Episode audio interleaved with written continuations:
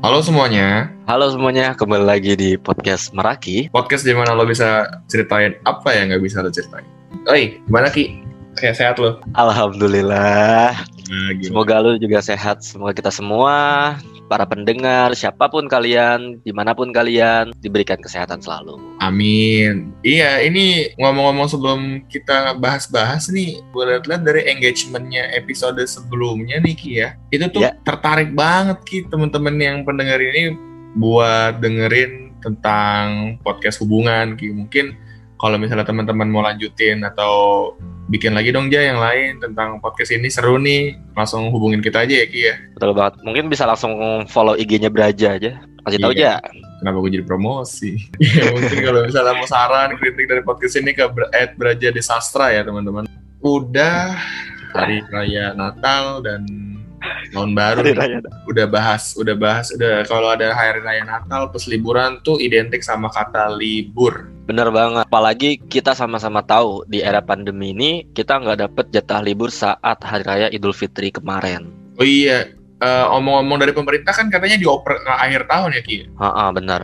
Iya. Makanya kalau kita perhatiin media segala macam, itu akhir tahun tuh bener-bener dimanfaatkan dengan baik oleh warga untuk liburan entah dia pulang kampung, entah dia sekadar travel. Pokoknya banyak banget orang-orang keluar kota. Semoga harapan gue sih Jakarta sepi sih akhir tahun. Pernah sih, pernah Ki kalau misalnya teman-teman lihat di Instagram eh, info Jakarta atau sebagainya, kalau ketika libur Natal atau tahun baru datang nih, itu tuh sampai di area Jakarta Pusat tuh yang biasanya notabene-nya rame pusat kota jadi sepi banget pagi-pagi biasanya. Nah, itu ya, efek liburan itu, tapi mungkin kita eh, nggak menemukannya di tahun ini ya Ki ya. ya bagi sebagian yang lain mungkin tidak menemukannya. Walaupun kalau kita kita nggak bisa nggak bisa menepis fakta bahwa banyak juga yang memaksakan diri untuk tetap berlibur. Pasti, pasti. Teman-teman mungkin yang sedang berlibur sekarang, gue ucapin ya selamat liburan karena lu butuh buat merefleksikan otak lu secara Betul. lebih rileks lagi sih. Setiap kita jenuh lah. Pastilah. Tapi kalau misalnya nih gue bilang kata liburan nih, lu ingetnya kata, lu ingetnya dengan apa sih Ki kalau gue bilang liburan tuh? liburan ya jalan-jalan lah liburan Jalan-jalan ya. iya ke mana Kalau kalau kalau gue sih yang sekarang-sekarang ini kalau udah dengar kata liburan tuh ya udah bebas tugas, bebas tugas, bebas ujian itu udah udah surga dunia banget lah buat eh, mahasiswa kayak gue. betul betul banget. Tapi kalau dipikir-pikir ya ini kan liburan akhir tahun ya. Iya. liburan akhir tahun terus liburan Natal juga. Kalau dari gue sebenarnya selain jalan-jalan khususnya libur akhir tahun nih apalagi Hmm. Natal yang paling gue kangenin itu adalah lu bisa eh, menghabiskan banyak waktu lu di rumah untuk nonton film-film keluarga yang disajikan oleh banyak stasiun TV Yang khusus diulang, liburan yang diulang, yang diulang. betul Ya, itu sih? itu gak pernah itu gak pernah kebosenin anjir sumpah Home Alone 1, Home Alone 2, Home Alone 3, Home Alone 4, betul sampai penjahatnya aja bosen kali sampai dulu. nonton di rumah ya lu lagi, lu lagi. Aduh, aduh. Kalau misalnya bahas liburan dengan segala macam kerutannya di tahun ini nih Ki ya, gue dapat kabar nih Ki, baru dapat kabar eh, bukan ya sebenarnya udah agak lama sih gue dengarnya. Cuman kayak baru pengen ngomongin aja nih kabar kalau misalnya teman-teman dari Jakarta atau mau ke Jakarta itu eh, wajib nunjukin eh, surat surat udah melakukan swab antigen dengan keterangan non reaktif COVID-19. Agak ini gak sih Ki menurut lo tuh agak ini tuh bagus buat pencegahan atau sebenarnya malah tambah ribet aja sebenarnya buat masuk atau liburan. Kalau menurut gue sih justru ya ini satu langkah yang tepat lah. Iya. Maksud gue oke lah kalau misalnya di sekarang-sekarang ini ini kan bulan Desember ya. Bulan Mhm. Desember em, kalau kita ngelihat dari berita dan sebagainya percaya atau enggak faktanya orang-orang tuh hampir sudah tidak apa ya sudah tidak aware lagi loh kalau kita nih lagi pandemi Iya, iya. bener gak sih kayak Karena lu udah iya kayak entah mereka udah capek udah Kenapa? hampir 9 bulan, udah hampir 9 bulan pandemi dan kayak orang-orang Iya. tuh kayak ah, udahlah. Ting- iya bener tinggal nunggu merojol nyanyi 9 bulan makanya mungkin yang namanya tracing segala macam zona merah zona hijau segala macam itu bahkan kayak gue sampai mikir atuh ini mah nggak ada manfaatnya gitu maksud gue ketika orang-orang aja udah seenaknya keluar masuk terus ngumpul-ngumpul ya zona merah zona hijau itu udah nggak berlaku lagi lah maksud gue iya, bener, apalagi kita tahu ada yang namanya OTG kita tahu namanya ada orang-orang yang dia positif COVID tapi dia nggak ada gejala sama sekali. Itu kan yang sebenarnya dipermasalahkan oleh pemerintah gitu. Kalau lu kena COVID terus gejalanya langsung muncul lu bisa langsung dibawa ke rumah sakit gitu. Logika yeah. sederhananya. Tapi yang susah adalah ketika lu ternyata positif tapi lu nggak ngasih tahu gejala-gejala jadi lu ngerasa sehat-sehat aja gitu. Yang akhirnya kemudian lu memaparkan virus itu kepada orang-orang yang dia sehat. Tapi ketika dia terkena virus itu dia jadi berpotensi lebih beresiko. Iya. Gitu. Orang-orang yang nah, itu tinggi ya? Betul. Nah itu yang kemudian jadi concern sebenarnya. Dan menurut gue ya dengan hadirnya swab antigen ini apalagi swab antigen ini setahu gue ini inovasi terbaru dari Indonesia loh.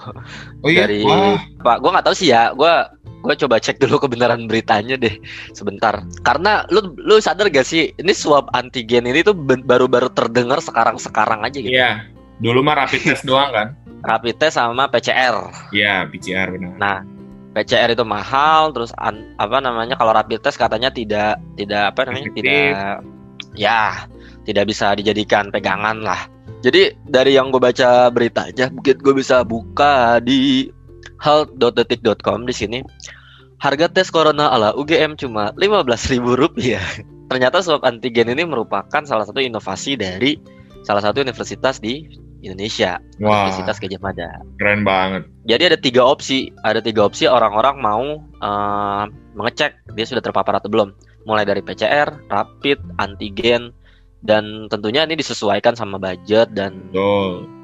kebutuhan, apa, kebutuhan ya. kita lah. Ya iya. betul. Tapi lu udah ini belum ki udah ada rencana belum kira-kira lu dekat-dekat sini mau liburan atau nikmatin waktu di rumah aja yang pasti gini ketika gue mau liburan ketika gue mau keluar gue hmm. make sure dulu gue make sure dulu pertama gue sehat dan gue pergi bareng orang-orang yang sehat pertama benar banget ya itu penting banget pasti lu make sure dulu dan tentunya dengan yang namanya rapid test ini itu jauh lebih membuat lu lebih aman lah Iya. Kalau lu tuh sehat sama orang-orang yang pergi sama lu. Itu yang pertama. Terus yang kedua, lu harus punya rules. Lu harus punya rules sendiri terkait kesehatan, terkait protokol kesehatan ini gitu. Iya. Mungkin kalau misalnya sederhananya, kalau rules bahasa sederhananya dari rules ini maksud gue adalah kalau misalnya Kementerian Pariwisata atau yang kebetulan sekarang sudah ganti Pak Sandi. Mereka itu ah, ah kalau dulu kan Kemenparekraf yang dulu Pak Wisnu Tama bilang bahwa ada yang namanya CHSR. CSR apa CSR ya lupa gua. Pokoknya gitu deh. Nah, itu sebenarnya singkatan dari yang namanya 4S itu loh yang eh 4S. 4S. Apa sih? Apa apa sih ya kata itu loh ya kata cuci tangan, terus oh, jaga jarak, 3M. 3A apa? M, M ya? ya, ya itulah pokoknya astaga. Aduh wawasan saya sangat sangat sangat rendah. Tapi maksud gue itu poinnya gitu loh. Jadi itu rules mungkin sederhananya rulesnya kayak gitu gitu. Dan lu disiplin. Lu udah yeah. buat rules dan lu disiplin jangan melanggar. Kalau misalnya orang nggak bisa jaga jarak lu yang jaga jarak. Yeah. itu pentingnya gitu loh. Karena kebaikannya lagi-lagi ya kalau lu merasa nggak peduli sama orang lain cobalah peduli sama diri lu sendiri sama keluarga lu. Gitu. Intinya intinya harus kesadaran tuh harus dari diri sendiri dulu baru nanti orang lain tuh bakal sadar. Oh iya, dia sadar ya, gue ya. ikut sadar deh. Jadi kayak ada impactnya buat masyarakat lain. Betul. Pun kalau ternyata orang-orang tidak peduli karena anda peduli, ya nggak masalah. Ya. nggak masalah. Yang penting anda tetap peduli dan semakin banyak orang-orang yang peduli nanti juga semuanya bakal peduli kok. Benar, itu itu sih itu namanya uh, apa ya efek psikologi lah mungkin teman-teman dari yang ada yang dengerin ini pernah pelajarin psikolog mungkin tahu lah kalau misalnya semakin banyak orang yang melakukan sesuatu nanti sebagian kecil itu akan mencoba mengikuti orang yang besar melakukan sesuatu itu gitu. Tadi, kalau bahasa tongkrongannya ikut-ikutan. Ya, join aja lah. Iya. yeah. Oh iya tadi ngomongin soal protokol kesehatan nih. Kalau misalnya awal-awal ingat gak sih lu waktu uh, Jakarta ngebuka PSBB ketat jadi PSBB transisi di mana semua sektor pariwisata itu udah mulai kebuka dengan protokol kesehatan gitu. Kira-kira nih, kira-kira uh, lu pernah nggak sih ngunjungin tempat yang lu lu lu bisa bilang tuh udah berubah lah dari yang sebelum ada pandemi ini sampai protokol kesehatan diterapin di situ? Kalau tempat pariwisata enggak, kalau gue ya. Kalau pariwisata enggak, tapi fasilitas-fasilitas publik yang tetap harus buka meski pandemi, gue beberapa kali sempat datengin. Dan kalau misalnya fasilitas publiknya milik pemerintah sudah pasti protokol kesehatannya ketat. Iya. Yeah. Pasti. Tapi yang jadi soal kan kalau swasta gimana gitu. Betul. Kalau itu yang pemerintah mungkin nggak bisa nggak bisa handle gue nggak tahu ya pemerintah nggak bisa handle semua atau gue nggak tahu lah apa yang membatasi gitu tapi yang pasti kalau misalnya kita mau cek gitu ya kita mau cari-cari kita mau susur ya kan itu yang swasta swasta ini nggak sedikit loh nggak sedikit yang yeah. protokol kesehatannya tuh minim yang masyarakat yang melanggar saja tidak ada teguran ya gitu paling jadi kalau misalnya apa yang berubah kalau apa yang berubah yang pasti budayanya berubah lu datang lu cuci tangan dulu kalau yeah. lu iya. kagak mau cuci tangan lu bawa hand sanitizer. Bener. satu. Terus ketika lu keluar yang biasanya apa-apa langsung jalan yang tadinya lu khawatir kalau lu nggak bawa handphone nggak bawa dompet sekarang ada nambah satu lagi. Lu khawatir kalau nggak bawa masker. Udah itu aja. Berapa iya. kali gua berapa kali gua kayak gitu soalnya. Gue pernah aja soalnya aja kalau gua kan kamar gua di lantai dua. Iya. Yeah. kan?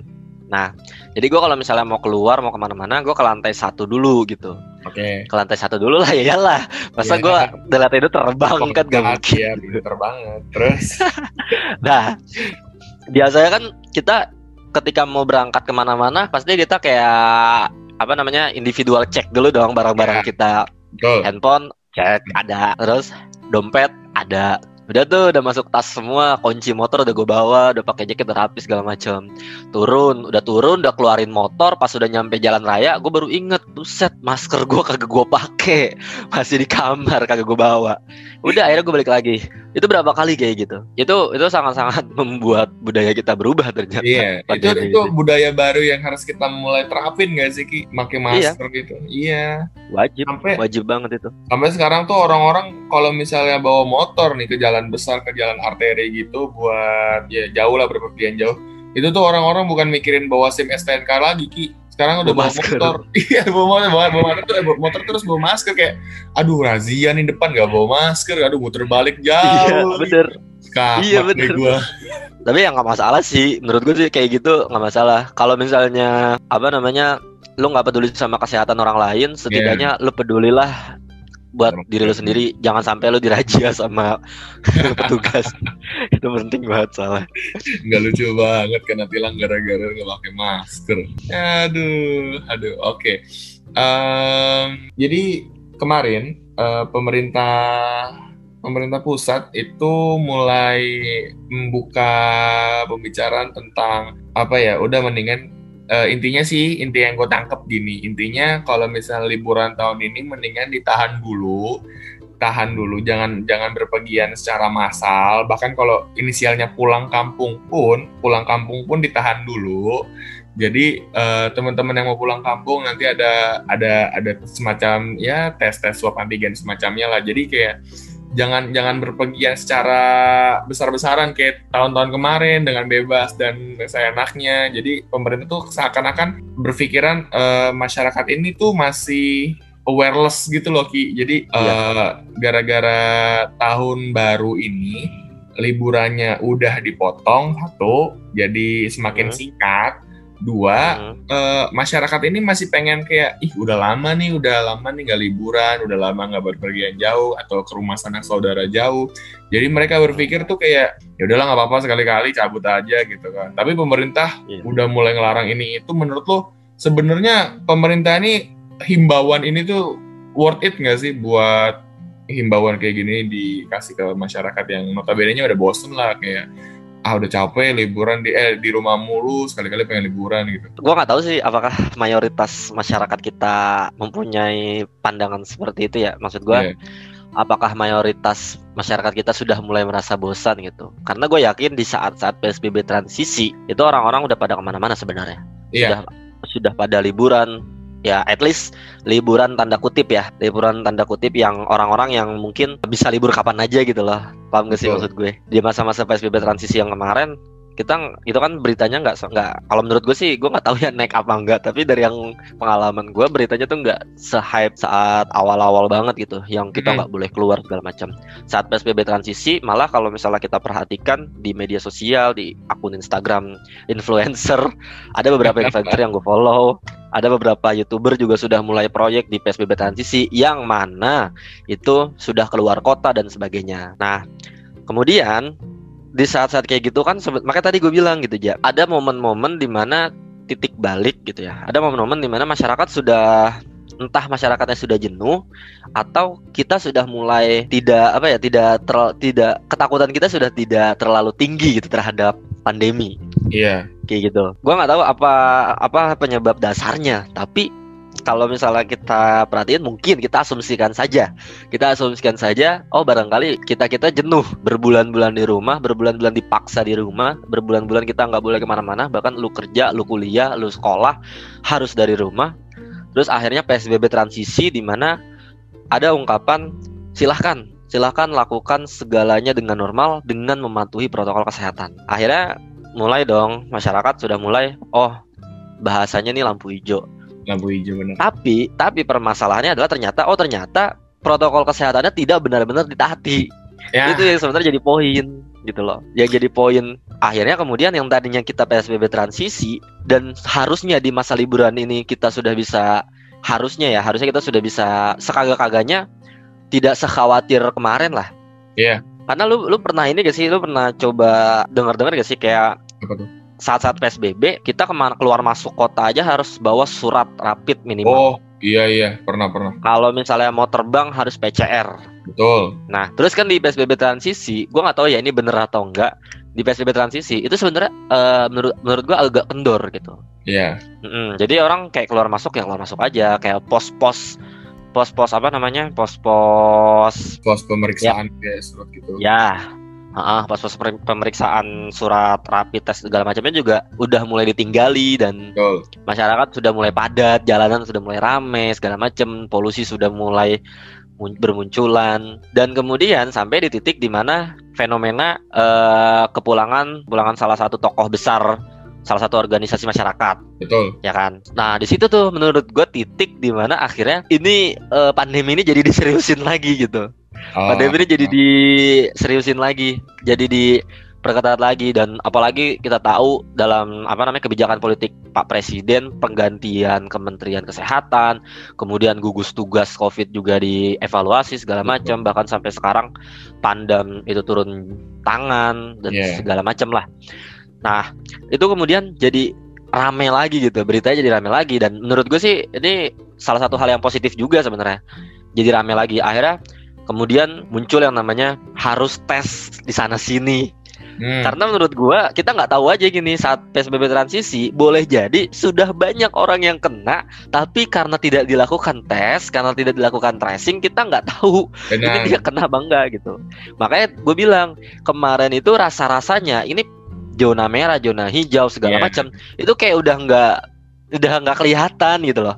Ini katanya zona hijau boleh jadi ini zona merah sebenarnya bahkan zona hitam. Kita nggak tahu aja karena bukan karena orang-orangnya kelihatan sehat tapi karena memang tidak ada pengecekan di sana gitu.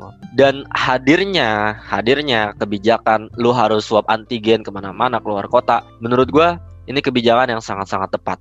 Minimal minimal ini membuat tracing minimal ini membuat uh, penjonaan kembali jadi lebih efektif. Dan menurut gua dan dari yang gua tahu pemerintah pusat tidak hanya melakukan himbauan. Jadi melalui Kemendagri, uh-huh. para kepala daerah itu diminta untuk menutup tempat-tempat wisata atau iya. minimal kalau mau dibuka lakukan pengendalian secara ketat. Setahu gue ya, gue gue sempat baca kemarin dan dari yang gue dengar dari salah satu orang yang kita katakan dia keluar kota lah apa sih bahasanya ya mungkin kita bisa bilang mudik yang enggak juga yeah. lah mungkin dia liburan ya liburan yeah. lah yeah. dia liburan ke Jepara Terus dikabari bahwa seluruh tempat wisata di Jepara itu katanya ditutup kayak gitu. Ya gitu, that's it.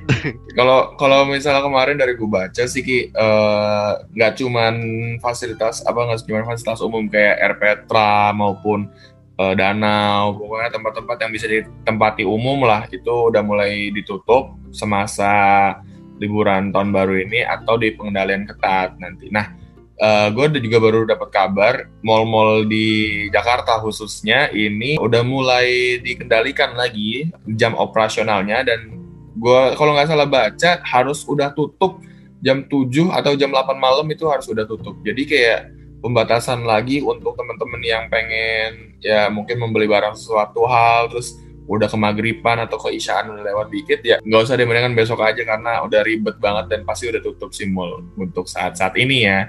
Eh iya Ki, uh, ini gue pengen ini dong, gue pengen tanya dong uh, teman-teman gue nih atau mungkin selebgram atau yang story storynya lagi pada liburan nih perasaan gue doang apa semua orang tuh lagi di Bali nggak sih Ki?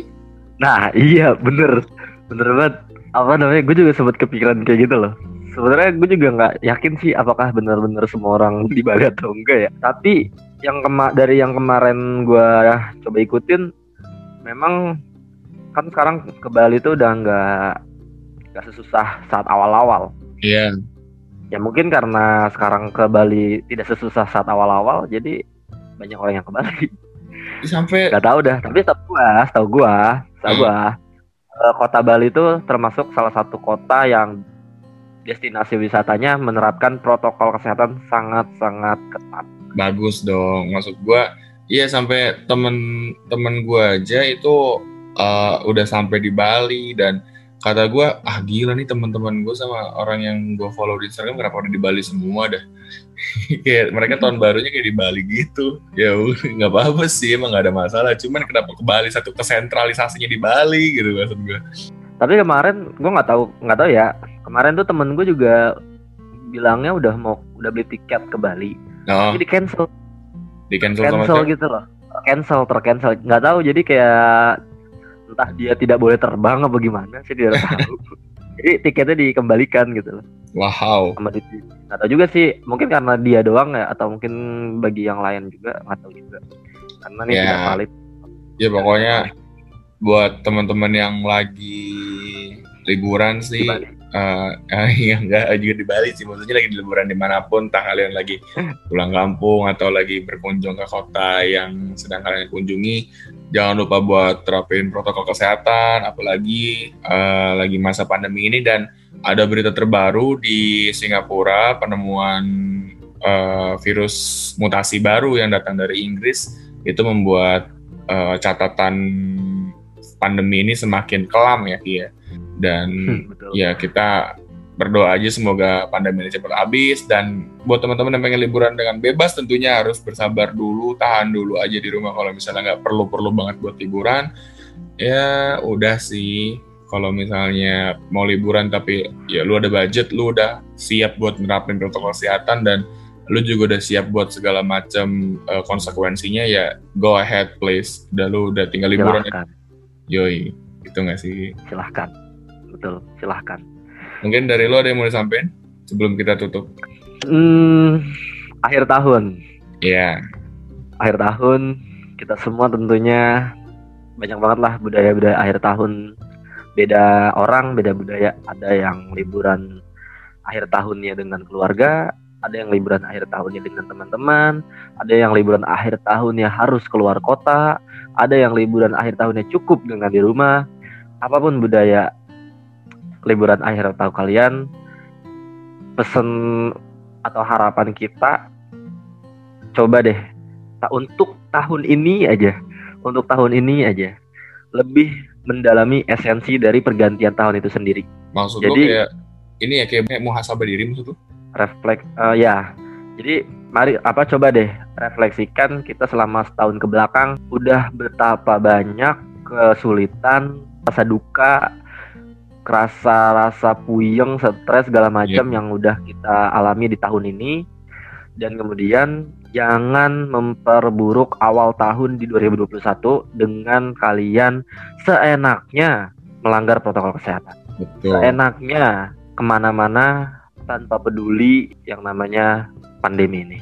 Karena yeah. pandemi ini masih ada, belum berakhir. Bener banget. Kita belum secara jelas, secara pasti menyatakan bahwa pandemi selesai. Enggak. Belum. Harapan gue mari kita akhiri ini kalau memang ini konspirasi mari kita akhiri konspirasi ini bersama-sama yeah. gue rasa sih udah cukup ya Ki untuk pembahasan episode hari ini. Iya. Mungkin dari gua Braja tutup undur diri. Dari gue Rizky Nur pamit. Eh, terima kasih buat teman-teman yang udah eh, mendengarkan podcast kali ini. Sampai jumpa di episode selanjutnya. Bye bye. Thank you, thank you, thank you, thank you. Semoga bermanfaat.